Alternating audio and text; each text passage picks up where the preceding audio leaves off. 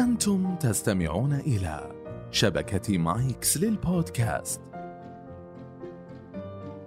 بودكاست مهارات مع ماجد بن جعفر الغامدي. يقال بأن الحل لأي مشكلة موجود أصلا.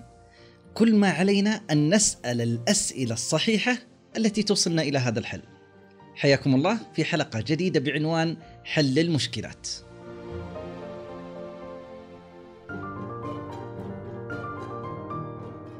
السلام عليكم ورحمة الله. أهلا وسهلا بكم مستمعين في بودكاست مهارات. قبل, أن أبدأ هذه الحلقة أشكركم من أعماق قلبي على هذا التواصل والتفاعل مع بداية الموسم الرابع من بودكاست مهارات آه الذي هو تحت عنوان المهارات الناعمة. البعض ما شاء الله تبارك الله بدأ يتواصل ويرسل بعض العناوين المقترحة التي يود أن نتحدث عنها. فتح لنا أفق جديد. آه فأهلا وسهلا باقتراحاتكم وعناوين تحت هذا آه الموسم أو تحت هذا الشعار الكبير اللي هو المهارات الناعمة.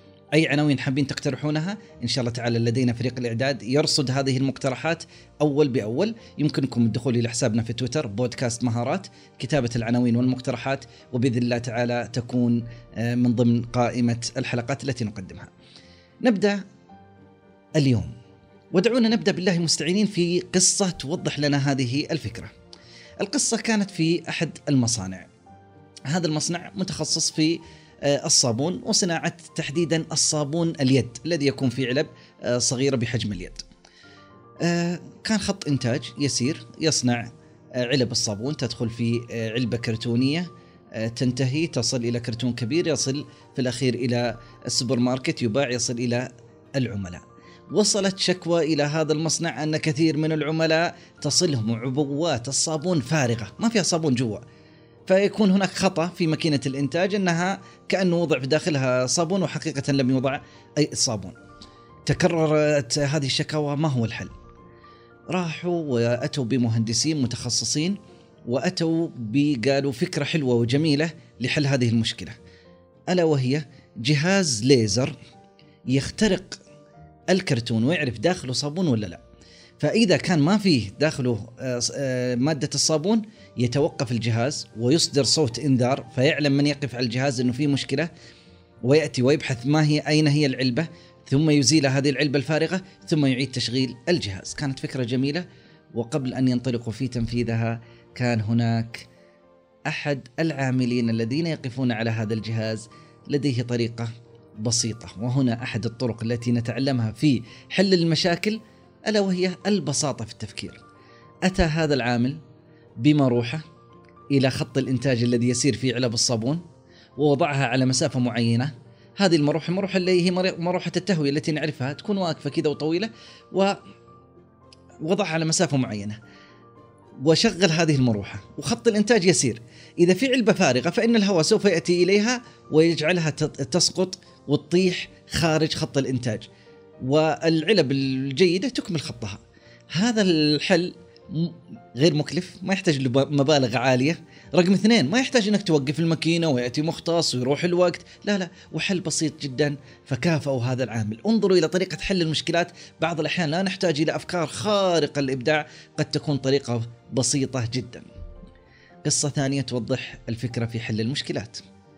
عندما بدأ في الستينات الميلادية يعني السباق المحموم إلى من يصل إلى سطح القمر وغيرها يعني من المواقف خاصة بين أمريكا وروسيا في ذلك الوقت آه، وجدوا إشكالية أن القلم الذي يكتب به رواد الفضاء تنعدم الجاذبية هناك فيذهب الحبر إلى الأعلى فلا يكتب بشكل متواصل ويكون متقطع، طيب يريد أن يكتب هذه المعلومات ويدونها ما هو الحل؟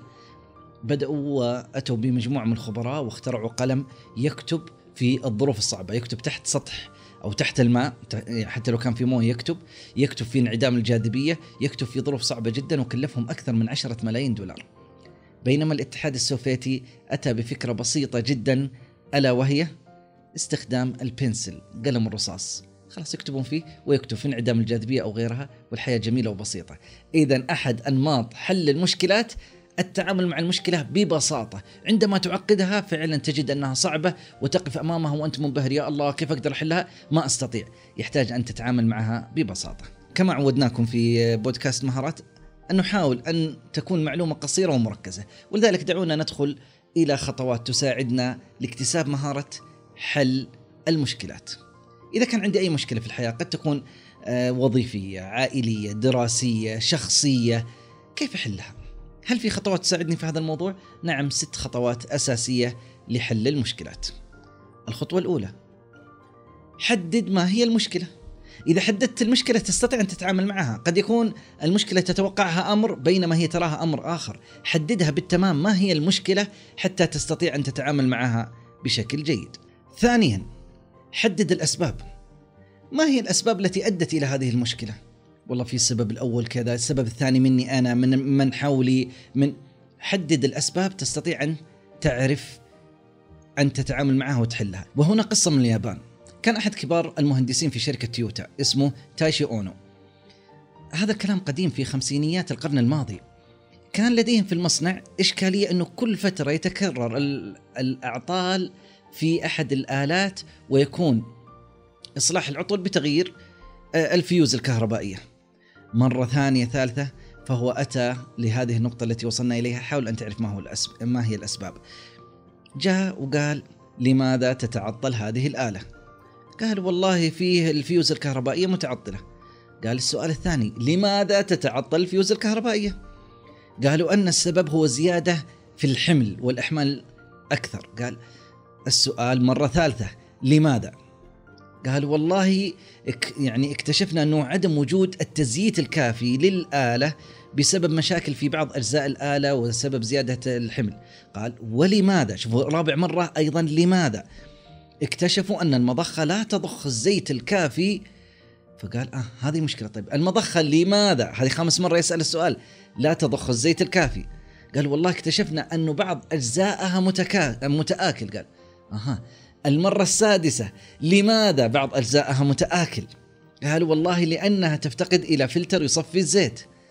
فبدون وجود فلتر الزيت يصير متسخ وتسبب تآكل في المضخة وعدم وجود تزيد كافي يسبب إلى زيادة الأحمال ثم بعدها يسبب إلى حرق الفيوز ونحتاج إلى تغييرها. هنا استطاع بعد ست مرات كرر سؤال لماذا لماذا لماذا أن يصل إلى عمق المشكلة وليس إلى ظاهرها ويحلها وبعدها انحلت الإشكالية ولم تتكرر ولم يحتاجوا إلى تغيير الفيوز؟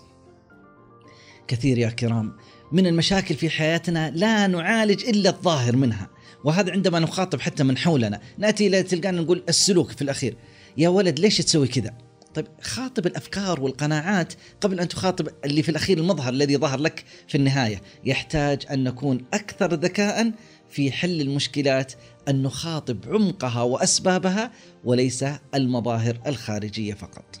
ثالث خطوة في حل المشكلات هي البحث عن حلول متعددة.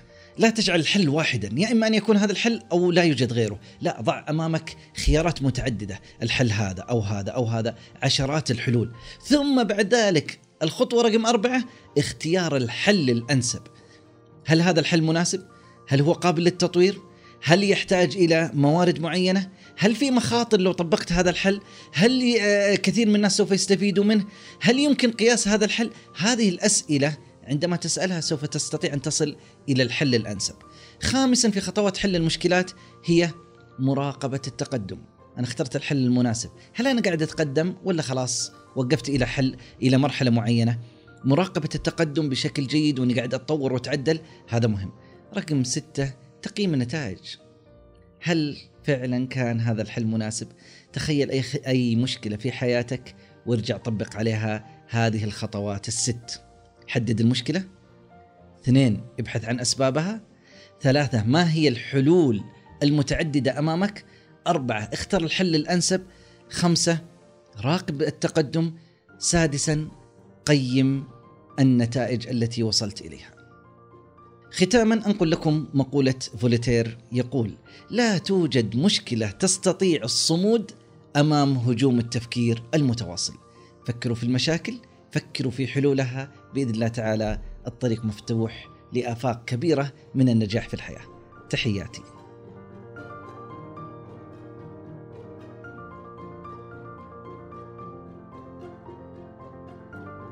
لو عجبكم البودكاست لا تنسون تقيمونا على المنصة اللي تسمعونا منها وأيضا تقدرون تتركوا لنا تعليقاتكم وردودكم في أبل بودكاست وأخيرا يسعدنا مشاركتك للحلقة للناس اللي حولك اللي تعتقد أنهم بيكونون مهتمين بمحتواها. نلقاكم في الحلقة الجاية بإذن الله.